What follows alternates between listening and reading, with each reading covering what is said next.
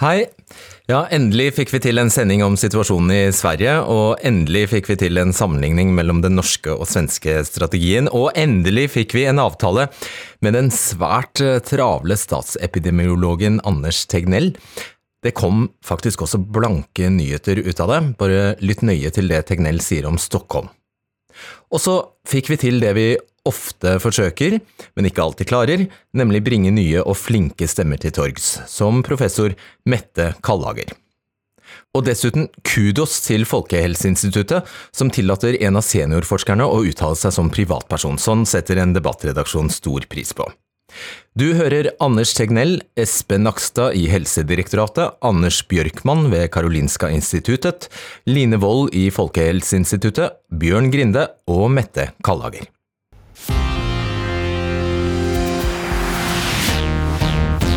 Om lag ti ganger så mange nordmenn som svensker er nå permittert. Arbeidsledigheten er spådd å bli dobbelt så høy i Norge som i Sverige i år. Og neste år kommer den økonomiske veksten i Norge til å bli bare halvparten så stor som i Sverige, hvis Det internasjonale pengefondet får rett. Velkommen til debatten. Men eh, prisen Sverige må betale, er vel skyhøye dødstall, mens våre er lave? Det svenske helsevesenet er vel på bristepunktet? Vi tar inn panelet, som består av eh, Mette Kallager, som har studert dødeligheten på, eh, fra covid-19 sammenlignet med en vanlig influensa. Ja. Velkommen til deg. Og så har vi Bjørn Grinde, som ja, setter spørsmålstegn ved om Norge burde ha valgt en annen strategi, f.eks. den svenske. Takk. Så har vi den stadig tilbakevendende Espen Nakstad fra Helsedirektoratet. Velkommen. Og så har vi Line Wold fra Folkehelseinstituttet. Velkommen til deg. Og med oss fra Sverige, Anders Bjørkmann, Bjørkman, eh, professor i infeksjonssykdommer. Og du hevder Bjørkmann, Bjørkman, at Norge ikke aner om det er stengningen av samfunnet som har ført til at vi har lav smitte her. Velkommen til dere alle. For litt siden snakket jeg med den etter hvert så verdensberømte sjefepidemiologen i Sverige, Anders Tegnell. Og jeg spurte ham om han mener at koronaepidemien har utviklet seg slik han og Folkehelsemyndigheten hadde sett for seg da de valgte strategi. Ja, i vissa deler skulle jeg si det. Eh, utvecklingen eh, när det gäller antal fall så har följt en ganska flack linje i Sverige. Eh, hälso och sjukvården som är hårt drabbat, framförallt här i Stockholm, har hela tiden kunnat ligga lite före kurvan och haft en överkapacitet hela tiden. Vi har hela tiden haft åtminstone 20 procent av våra intensivvårdsplatser tomma. Så det har alltid funnits kapacitet att ta emot nya patienter. Eh, man kan ju säga att däremot när det gäller att skydda våra äldre så har det inte fungerat lika bra. Vi har tyvärr fått in smittan i ganska hög grad på våra äldreboenden, framförallt i Stockholm. Och det är det som har skapat de høye höga dødstallene som vi tyvärr nå har. Bare til det, er den lekkasjen stengt nå, tror du? Nei, jeg tror ikke det. Det er litt svårt å vite. Vi har jo precis under siste veckan börjat jobba veldig hårt med, med Stockholm og närliggande regioner og med de som driver de här for för att försöka täppa till den läckan så mye som möjligt.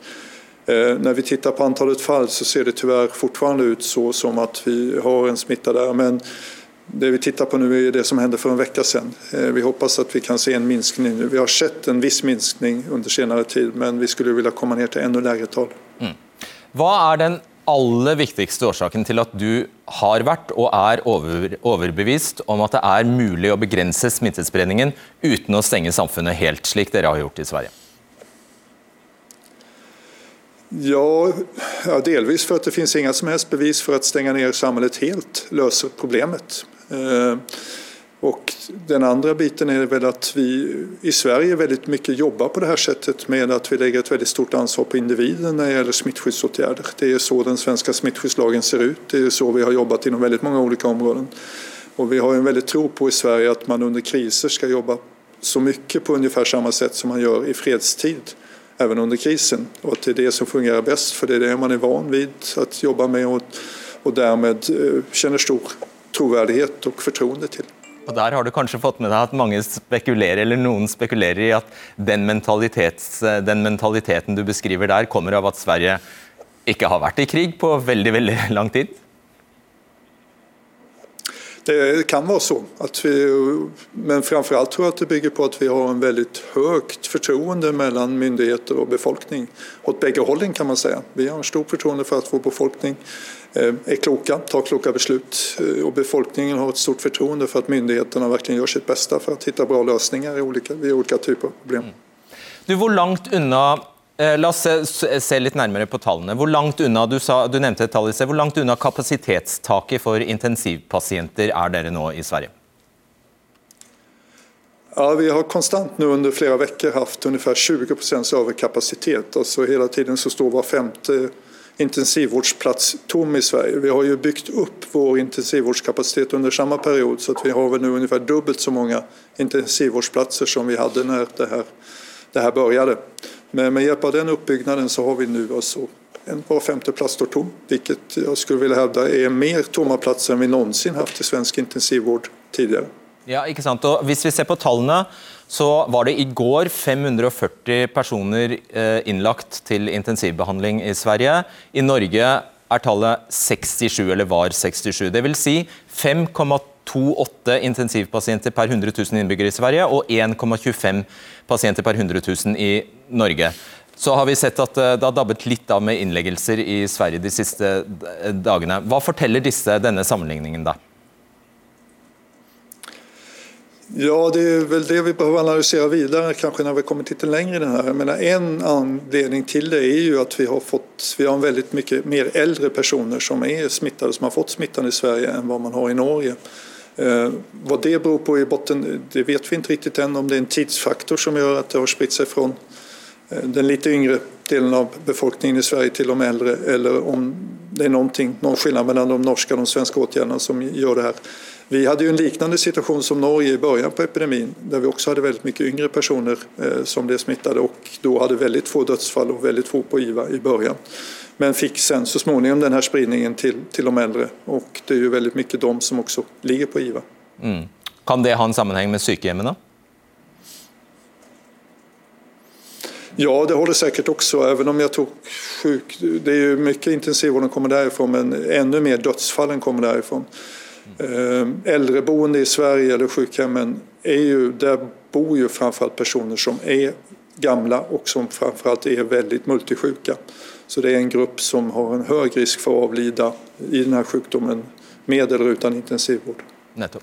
Om lag, Vi får opplyst eh, fra både helsemyndighetene i både Norge og Sverige at om, om lag 70% av intensivpasientene krever respiratorbehandling i begge land. Hvor langt unna kapasitetstaket er dere når det gjelder respiratorer i Sverige? Ja, som jag förstår det så ligger vi på ungefär samma nivå där, att vi har en ordentlig överkapacitet på åtminstone 20 procent till som vi skulle kunna lägga i respirator. Det är inte någon jättestor skillnad mellan intensivvårdsplatser och respiratorplatser i Sverige. Mm. Dødstallene i Sverige har jo fått eh, mye oppmerksomhet også internasjonalt, fordi de skiller seg kraftig fra de andre nordiske landene. Tegnell. Og Per i går var det om lag 1200 koronadødsfall i Sverige mot 130 i Norge. Dvs. Si 11,76 dødsfall per 100 000 i Sverige mot 2,42 per 100 000 innbyggere i Norge. Du har forklart denne store forskjellen bl.a. med at Sverige er i en annen fase. Betyr det at uh, du tror langt flere var smittet i Sverige tidligere enn i Norge? Ja, och också att smittspridningen har nog varit betydligt mer omfattande i Sverige hittills. Eh, det tror jag. Eh, även om Norge har också väldigt många fall. Men ni i Norge har ju testat väldigt mycket mer och ni har ju också testat andra delar av befolkningen vad jo testet i Sverige hittills. I Sverige har ju testningen hittills framförallt fokuserat på sådana som har varit så pass sjuka så att de behöver läggas in. Eh, så, där, så därför så kan man nog inte riktigt jämföra antalet fall med Norge och Sverige på något relevant sätt. Om det här en tidsfaktor eller eh, det är lite svårt att veta. Det kommer väl att bli tydligare nu när Norge och andra länder börjar rätta på sina restriktioner. Eh, och då får vi kanske också se så småningom hur stor andel i de olika länderna som faktiskt smittade. Det är väl egentligen det som är den slutgiltiga indikatorn på hur långt i pandemin vi har gått. Mm. Men varför har du inte testat mer? Ja, vi har inte haft mer kapacitet, tyvärr. Nu börjar vi få väldigt mycket kapacitet och vi har eh, ökat antalet tester ganska kraftigt under de senaste veckorna och vi har ju en grundkapacitet på å teste kanskje 100 000 personer i uka når vi kommer i gang ordentlig. Mm. Er det en påregnet effekt av den svenske strategien at smitten sprer seg hurtigere i Sverige, og at ja, dermed flere blir syke og flere dør? Nej, det skulle jeg ikke vilja påstå. Vi har jo liksom hele tiden hatt som mål å ta en så långsam smittspridning som möjligt. Eh, och det har vi ju i stor utsträckning lyckats med. Men tyvärr har vi då istället haft det förmenet att vi tyvärr fått in smittan i en väldigt mycket äldre grupp av befolkningen. Jag tror inte i grunden att det har att göra med hastigheten i smittspridningen så mycket att göra egentligen. Utan eh, det beror tyvärr väldigt mycket på att vi, vi har visat oss ha en, äldrevård som är väldigt känslig för att få in smitta. Og Hvis det kommer en vaksine tidligere enn antatt, vil da mange svensker eh, Beklager å si det, men kan de ha dødd unødvendig? Det er jättesvårt å vite. For det første kommer det ta åtminstone et år, det er jeg helt overbevist om, innan det finnes vaksin tilgjengelig i sånne mengder så at vi kan begynne massvaksinere en befolkning. Vi vet ikke heller hvor effektivt vaksinet kommer å være på de her gruppene som er så känsliga. Vi vet jo at influensavaksinet till exempel inte skyddar spesielt bra i de her gruppene. Eh, så det er spekulasjoner, vi vet ikke, det måste jeg si. I dag sa du noe interessant om flokkimmunitet, eh, og at dere kan se de første tegnene til eh, at den befester seg. Hva, hva dreide det seg om? Jo, men at vi nå, enligt våre modellerer og sånne, börjar få såpass, med høy sannolikhet så mange i befolkningen i Stockholm og så, så att det, det bör eh, vi har såpass mange immuna så det får en effekt på smittspridningshastigheten. Eh, og möjligen kan det være det som gjør nu att vi ser en liten minskning av smittspridningshastigheten framförallt i Stockholm. Eftersom vi egentligen ikke har vidtagit noen nye åtgärder under de senaste två, tre veckorna. Mm. Eh, och om någonting så ser vi kanskje lite tendenser til at folk er ute og rører på seg litt mer enn man var tidligere. Men full immunitet det ligger langt fram? Ja, våre modellerere tror på någonstans i mai. Allerede i mai? Hvorfor det? Ja, ja det matematiske modellerere de er jo så bra som den input-datan vi kan gi. Vi får vel se om de har rett eller ikke. Och det beror ju rätt, nu vi på å mäta for første gang håller vi på å mäta immuniteten i befolkningen denne veckan og sen skal vi å mäta den. Da kan vi gi litt bedre data på når vi egentlig når såpass nære så at det har en stor effekt på smittspredningen. Hva forutsetter det at dere skulle, hvis dere oppnår immunitet for befolkningen i Sverige innen mai, hva, hvilke forutsetninger trenger man da? Ja, om vi fortsetter på det her viset, det er jo det som våre modellerere sier. Fortsetter vi på det viset som vi gjør da med de innskrenkninger vi har gjort på diverse ulike sett, og med den utveckling vi ser av antallet smittsomme og sånt, så regner de med at vi kommer å nå en såpass høy del av immunitet i Stockholmsområdet i mai, så at smittspridningen kan gå ned til en ganske lav nivå. Jeg må få lov å stille deg et aller siste spørsmål, fordi Du har kritisert stengningen av de norske grensene og sagt at det hadde ikke noe for seg. Hvorfor ikke? Nei, for at vi har så mye smittspridning i alle länder nu, både i Norge og Sverige, at den lilla resandet over grensene kommer varken å øke eller minske antallet smittede i noen, noen länder. Jeg har veldig svårt å forstå hva man egentlig oppnår gjennom å stenge grensene. Lykke til og tusen takk. Ja, Line Wold i Folkehelseinstituttet immunitet, flokkimmunitet i Stockholm i mai, om et par uker. Hva sier du til det? Ja, nei, det han refererer til, her er jo en eh, modellering som eh, sier at, eh, at de kanskje kan oppnå flokkimmunitet i mai. og så peker han også på at det er usikkerhet knyttet til modeller. og at jeg hørte hva han sa, ja. så jeg lurer på hva du mener. Ja.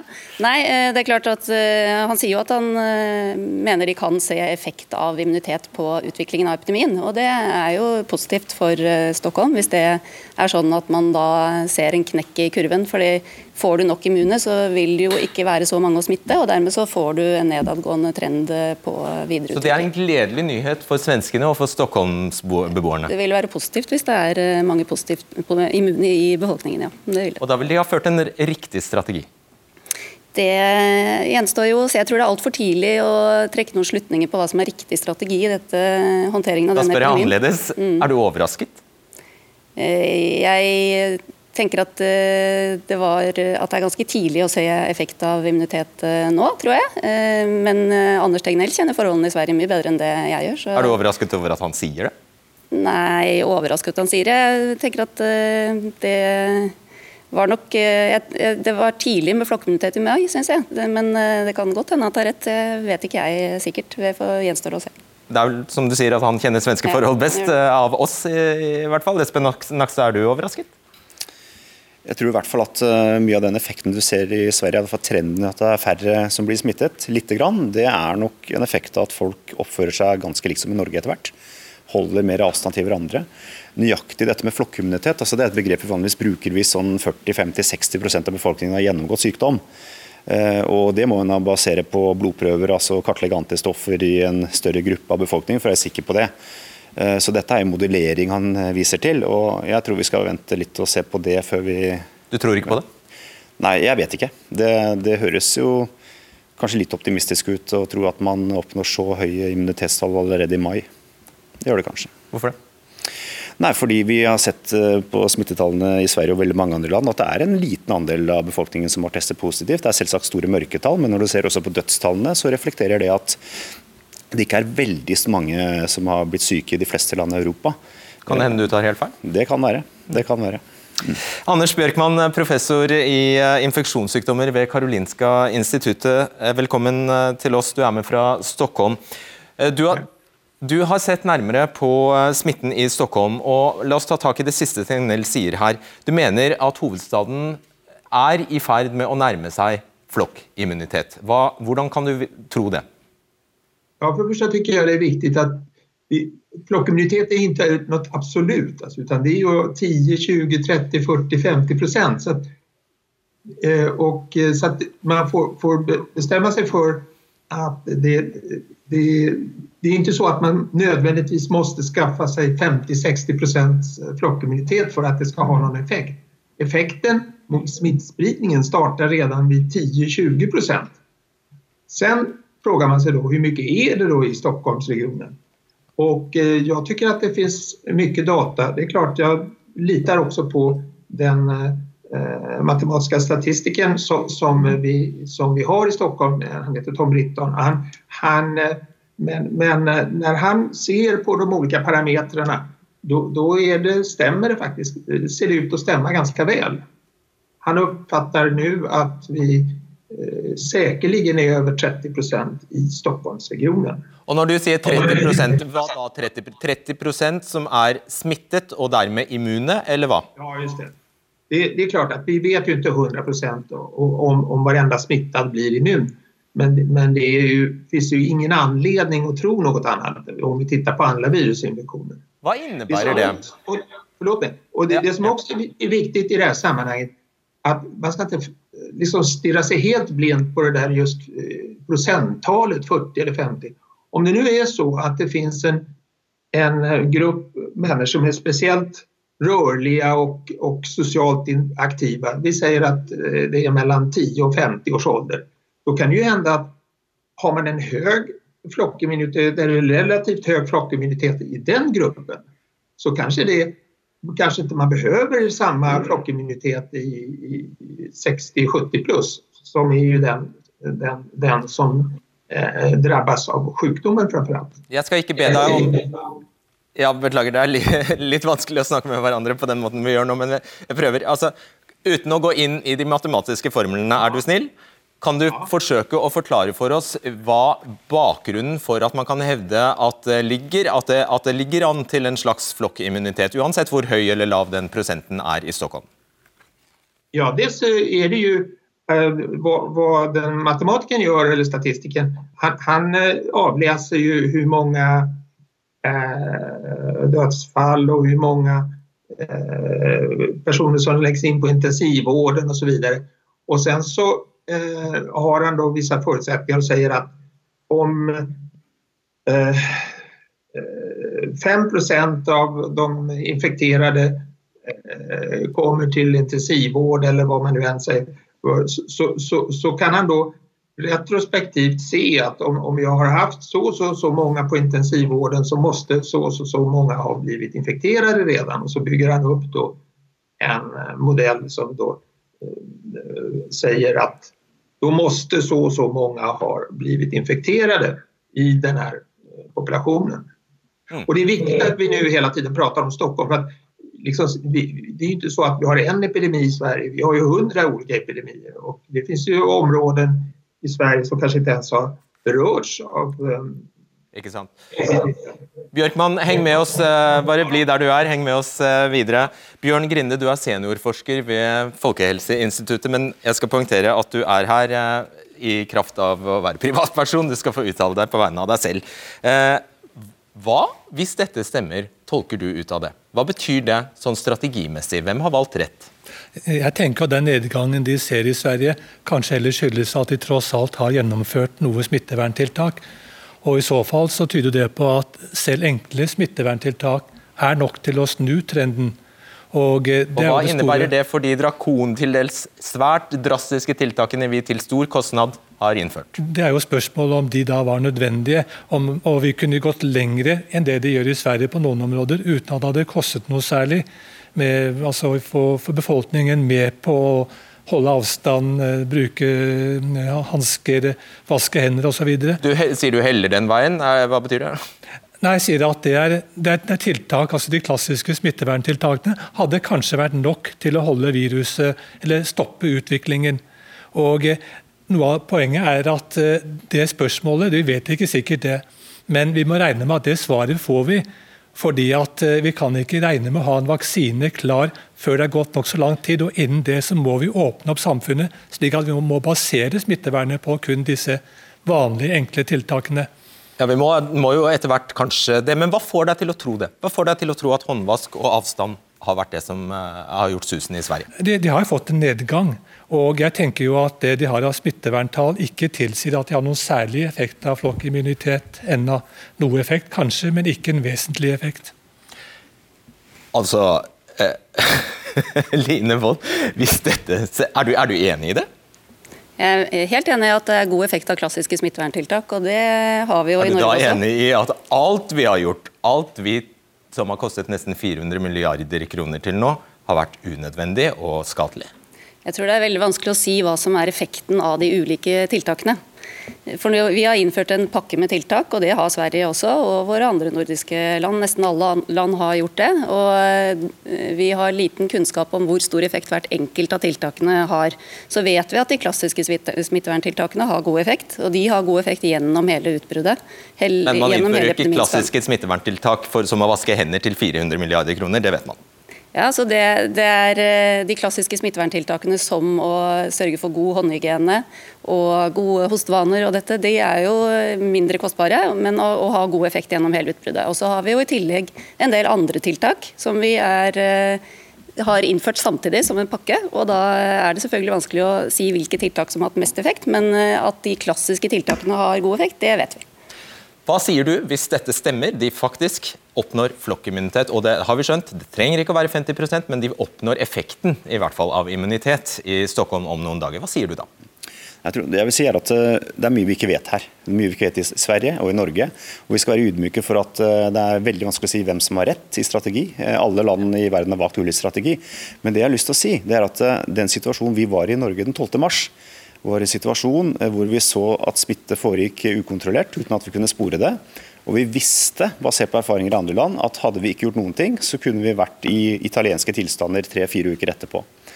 Eh, vi var ganske likt med de fleste andre europeiske land faktisk da dette kom mot slutten av februar begynnelsen av mars, i antall smittede. Eh, og Da det, har ulike land vært litt strategi. Vi ser at de landene som har ventet litt, de har kommet i en situasjon hvor de må ha fullstendig lockdown på samfunnet, sånn som vi ser i Italia, Spania og nå i Storbritannia. Det er kanskje enda mer ugunstig for samfunnsøkonomien og for mange andre funksjoner i samfunnet. I Norge som Hvorfor viser du til eksempler når du har Sverige her, som har gjort det motsatte? og kanskje... Jo, jo og så er det også, kan vi si, I Norge som har valgt å stenge barnehager og skoler, men bortsett fra det så er nok ikke tiltakene så ulike. og Når skoler og barnehager etter hvert åpner, så er det ikke sikkert om to, tre, fire uker at tiltakene er spesielt forskjellige. Nei, Det er jo fordi de har nærmet seg. Ja, det er, ja. det. det, ja, det er jo ikke det vi diskuterer. ja, selvfølgelig er ikke forskjellen stor når etter hvert alle gjør det samme. Nei, og ikke sant? Så dette er, Det er vanskelig å si da hvilke tiltak som virker og ikke virker. Men i Norge så har det altså vært barnehager og skoler som er stengt, og så har folk hatt hjemmekontor. Eh, men eh, aktiviteten generelt har ikke vært så veldig ulikt det man har i en sommerferie i Norge, hvor det meste går på halv tolv i både seks og syv uker. Sånn at, men her er det også en internasjonal situasjon som har fått store konsekvenser for norsk økonomi. Det skal vi ikke glemme. Så det er ikke sikkert at disse tapene ville vært veldig mye mindre, i hvert fall eh, hvis vi nå hadde valgt en annen strategi. Det er ikke sikkert. Det er ikke sikkert. Anders Tegnell hevder altså at eh, det er, eh, fremdeles er rundt 20% restkapasitet faktisk i intensivbehandlingen i Sverige. I dag er 5,28 personer per 100 000 innbyggere innlagt på intensivavdeling i Sverige, mot 1,25 per 100 000 i Norge. Og I Norge vet vi da altså at sykehusene nå har fått beskjed om å begynne å ta imot eh, pasienter til oppsatt behandling igjen. I Sverige ser vi at dødsfallene har vært relativt mange flere enn i Norge. 11,76 per 100 000 innbyggere. I Norge 2,42 per 100 000. Men hvor mange er det egentlig? Jo, mens korona har tatt livet av i snitt 33 personer daglig, er tallet for Norge fire. Samtidig tar en vanlig sesonginfluensa livet av 53 personer daglig i Sverige og 21 personer daglig i Norge. Kallager, Mette Kallager, du er lege og professor i gruppen klinisk effektforskning ved Oslo universitetssykehus og Universitetet i Oslo. Håper jeg fikk det rett? Det var riktig. Det er bra. Sammen med sju andre forskerkolleger så har du nettopp sammenligning du har gjort. Dette var dine tall. Ja. Du har gjort denne sammenligningen mellom covid-19 og influensa, sesonginfluensa. Hva var hovedfunnet der? Nei, det, det, Du viste jo hovedfunnet. Um, det er per nå og det jeg tror at Å si at vi sammenligner, sammenligner, det høres ut som da vet man på en måte fasiten. Vi har eh, regnet på hvor mange som dør av influensa, eh, sesonginfluensa. og Det kan man regne på flere måter. Vi har tatt gjennomsnittet de siste fem årene og sett på overdødeligheten eh, i Norge, Sverige og Danmark. Og det er Sverige vi snakker om. Det betyr de som dør mer enn gjennomsnittlig i den perioden hvor det er influensa. Eh, og så har vi sammenlignet de tallene bare for å ha en følelse med hvor mange som dør. For jeg satt eh, jeg er jo en uh, nyhetsjunkie, så jeg satt og fulgte med på nyhetene, og så så det liksom antallet døde som tikket inn.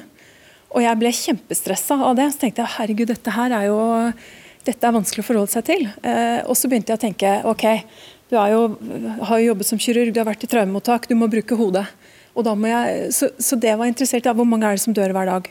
Jo, i Norge så er det 111 i gjennomsnitt som dør hver dag. Det er sesongvariasjoner, men i gjennomsnitt 111 personer. Så tenkte jeg ok, 111 som dør.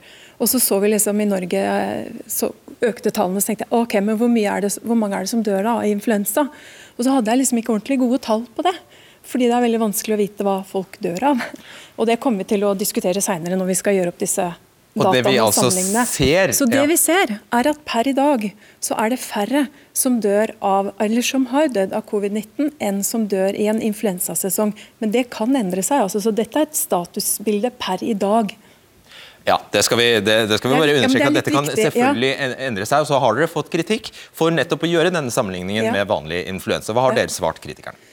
Nei, altså noen har sagt... Blant annet perioden dere har sett. Ja, noen, det vi gjorde i vår, vår første analyse, var at vi startet eh, å regne antall dager eh, hvor influensaen hadde, eller hvor covid-19 hadde vart, fra i slutten av februar, da vi begynte våre observasjoner. Eh, og, og, Da får du et lavere tall, og det er eh, greit, for det er jo det samme antall som dør. så Der handler noe om hvordan du regner gjennomsnitt. egentlig. Så Det handler ikke om hva slags type data du bruker, men hvordan du regner på det. Og De tallene som, som dere presenterte nå, det er tatt fra 11. mars. Det er så første dødsfall i Sverige. og vi, kan, vi, må på en måte ta med det. Vi kan ikke utelate noen dødsfall her. Så det er de tallene som fra du ser der. Fra 11. mars til 11. april? Eh, nei, disse tallene som du har fått i dag, det er til og med i går. Til og med i går, ja. ja. Ok, greit. Uh, og hva drar, du, hva drar dere ut av, trekker dere ut av dette? Hva, hva er konklusjonen her, egentlig? Nei, Konklusjonen er bare på en måte å, å, få et tall som man kan se hvor er vi på vei. Sånn at vi kan berolige oss selv med at vi, har, vi er på en god vei. Både Sverige og Norge er ikke dødeligheten veldig høy. Dette er, Vi har kontroll i begge landene. Vi skal ikke bruke dette som nå, det er dette er endepunktet. det er dette Vi skal Vi skal ikke gå i den diskusjonen og sammenligne Norge og Sverige og hvilke tiltak som fungerer best. Det tror jeg vi alle er enige om at det er litt tidlig å si noen ting om. Men vi har kontroll. Nei, jeg er helt enig i det, som blir sagt, at det er ikke noe vits å sammenligne for mye den type ting. Man si, dødelighet det er for så vidt interessant. og det er klart WHO opererer med at dette er ti ganger dødeligere enn altså koronavirus enn influensa. Tar du høyde for at du ikke har immunitet i befolkningen, så er det jo mye mer enn det også. Og Det er for så vidt ille nok. men hovedproblemet med koronavirus. Kan jeg bare, bare forklar det, for det, der tror jeg mange falt av. Altså, hvordan kan det stemme når hun ja, nettopp har påvist Hvor har du de tallene fra? Jo, det, det kan jeg forklare. Jeg kan forklare. Nei, altså, ikke sant? Influensa har man jo delvis immunitet mot i befolkningen. Mange har gjennomgått influensa før, mange vaksineres. Koronavirussykdom har man jo ikke noe immunitet mot. Og eh, når man ser på, på altså de anslagsvis 900 eller 1000 menneskene som dør hvert år av influensa, hvis jeg skal bruke det, det er 0,016 av befolkningen. Hvis du tar ut fra befolkningen. Dødeligheten av koronavirus er jo antatt vesentlig høyere enn det. Men, men, eh, men, men, det er ikke det interessante. Det interessante er at eh, sykdommen i seg selv gir en mye høyere sykelighet enn influensa. Den fører til mange innleggelser. Eh, veldig mange flere innleggelser. Og fælere sykdom også, eller? Og, hva sier du? Og fælere sykdom? Ja, og av de som blir lagt inn, så er det én av fire som havner på intensivavdeling. Det har vi sett helt siden januar i Kina. Og Det er veldig mye høyere enn influensa og belaster helsetjenesten på en helt annen måte. Så Det er egentlig den store forskjellen som betyr mest i det store bildet. Ja, nei, altså, og, og, og, Sammenligne tall det kan av og til være vanskelig, for den ene har noen tall den andre ikke har. Uh, så jeg, jeg Men avviser du det han sier? Det jeg, det jeg lurer på, er f.eks. hvilke land som har nå per i dag høyere antall døde uh, av covid-19 sammenlignet med influensa. Hvis du går til Italia f.eks., så er det rundt 24 000 mennesker som er døde i Italia.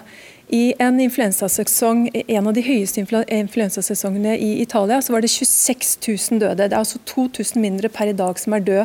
Så det er jo Det tallet sier jo meg noe om at kanskje har vi reagert veldig sterkt.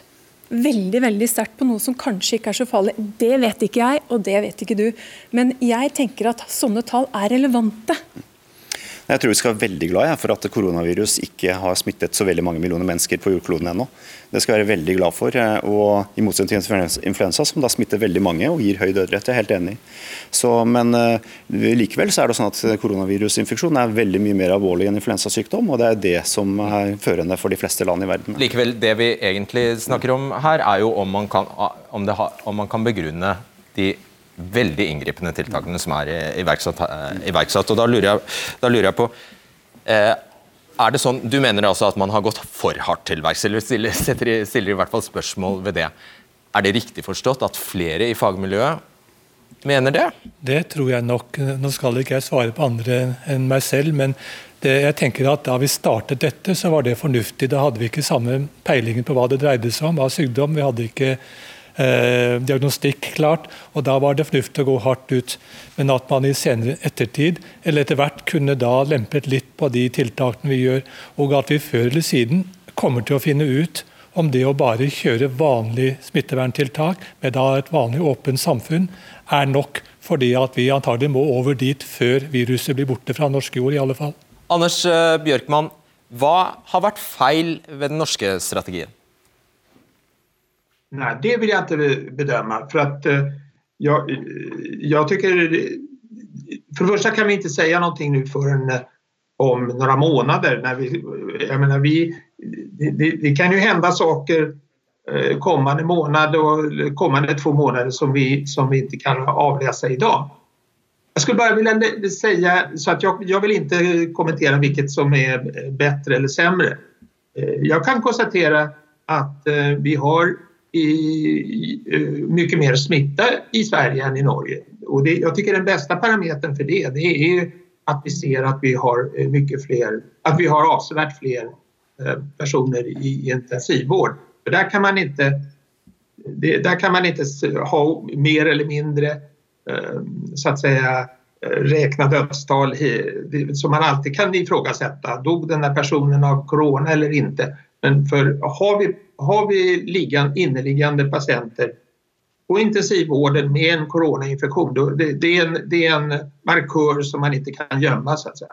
Mm. Men jag skulle bara vilja bara lite säga apropå det här med de olika virusen. Eh, jag bara roade mig med att titta på en, en virus som man ofta inte tänker på, nämligen HPV-viruset som, som medför att våra kvinnor avlider i livmodercancer. Eh, med det värsta scenariot jag kan tänka i Sverige så kommer om jag räknar då på förlorade levnadsår så kommer den årliga förlusten av kvinnliga levnadsår, friska levnadsår, överstiga eh, den, eh, de levnadsår vi förlorar av hela coronaepidemin i år. Ja, jeg tror vi skjønte det. Jeg, jeg tror vi skjønte Det Det er også et tema Grinde, at man teller forskjellig i Norge og Sverige. I Sverige så har jeg forstått det slik at eh, man automatisk samordner registeret.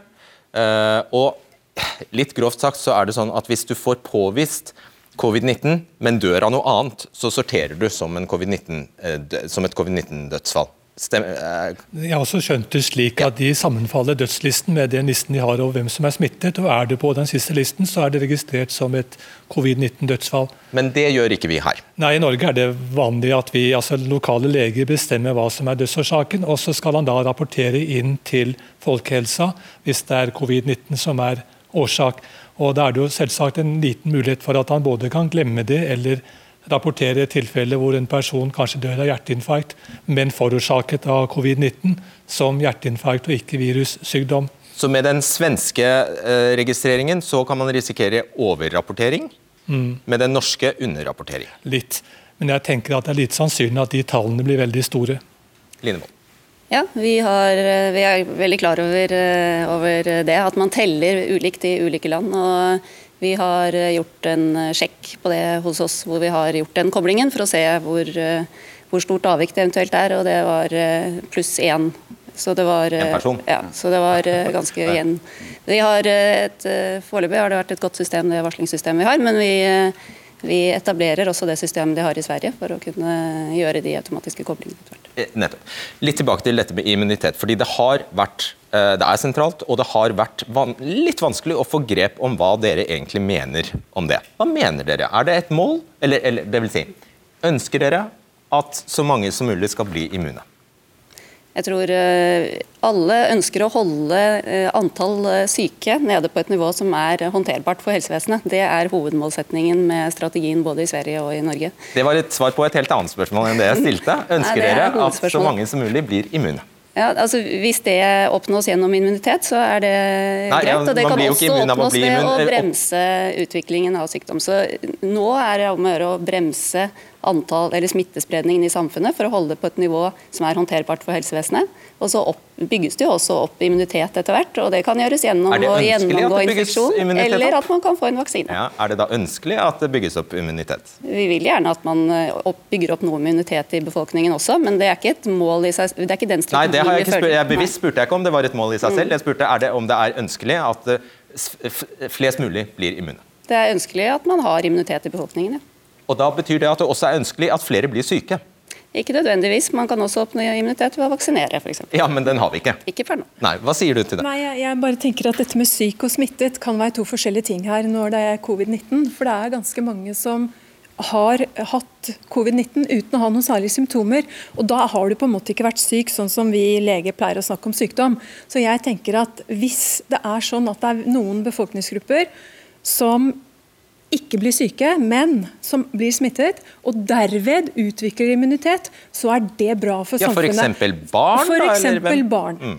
Det er bra for samfunnet. og Hvis vi da kan beskytte de gamle samtidig, så gjør vi noe riktig. Og Det er greia med at vi skal åpne opp skolen igjen. Det er jo greia, men da kunne vi like gjerne hatt skolene åpne hele tiden? Det som er den store problemet med immunitet, er at ingen helt vet med denne sykdommen. Eh, vi har egentlig bare hatt en observasjonstid på to-tre måneder. Det er ingen som vet hvordan det er med antistoffer i blodet ditt hvis du har eh, fått dette i januar eller februar. Og Det som er vanskelig, det er at eh, hvis ikke immuniteten er lang nok, så hjelper det ikke å bygge flokkimmunitet. Da får du ikke den effekten. Og Det kan være at en kombinasjon med vaksine og flokkimmunitet også er en vei ut av dette. Men det som vi sannsynligvis vet ut fra det som er gjort av forskning hittil, det er at hvis du har hatt alvorlig sykdom og overlevd det, da er du nok ganske immun og sannsynligvis en god stund. Vi vet ikke hvor lenge, men har du hatt lite symptomer, eller kanskje så vidt hatt symptomer, så er det ikke sikkert at du er like lenge immun, og like immun heller. Eh, sannsynligvis... Da er det jo et eksperiment å åpne skolen. Eh, altså, Alt er et eksperiment i denne, denne, forstand, at man ikke vet hva som er fasiten. Ja, men Da bør man jo være skeptisk til det? Ja, altså Det har vært stor diskusjon om Det dette det. med skoler og, og, og barnehager. Og det er ingen som vet om vi gjør det riktig i Norge. Men det er det som er grunnen til at vi må diskutere det, og få forskning og få observasjonstid, sånn at vi blir klokere. Kanskje vi tar den diskusjonen neste gang. Det er kjempeviktig, for Nakstad påpeker her at det er veldig mange ting vi ikke vet. Og så åpner man skolene, og så gjør man dette på en måte sånn at vi ikke får svar. Og det er kjempeviktig, faktisk, at når vi nå gjør dette, at vi åpner det på en sånn måte, Nakstad, at befolkningen får svar. Er det farlig å åpne skolene, eller okay, er det ikke? du må få svar på det. og du... Jeg kan svare kort. Det som vi får svar på, er at nå øker vi testkapasiteten betydelig, så at vi snart kan teste alle i samfunnet med symptomer. Og serumundersøkelser, altså blodprøver, for å kartlegge da antistoffer. Du har ikke noen kontrollgruppe, så du vet skala. ikke hva som ville skjedd når du hadde skolene stengt, når du åpner alle på en gang. Nei, Og det er Det du er og jeg er enige om, er- jeg fordi vi begge det. Det er- kjenner medisin. forskningsforsøk. Ja, vi kjenner medisinen medisin begge to. Det er en egen sending, det her. Ja, det er bra. Ja, Da det er det. kjempefint. Jeg kommer nå. Tilbake. Tusen takk, Beckmann, for at du var med fra Stockholm. Og takk til eh, dere på gjensyn. Jeg skal innrømme at jeg syns det er litt ekstra gøy at den svenske avisen Ekspressen rett etter debatten slo opp at Tegnell sier til norsk TV at Stockholm kan nå flokkimmunitet i mai. Debatten goes global, yay! Jeg vil gjerne ha tilbakemeldinger på hvordan du syns debatten på podkast fungerer. Du kan skrive til debatten krøllalfa nrk.no. Og andre podkaster finner du i NRK Radio.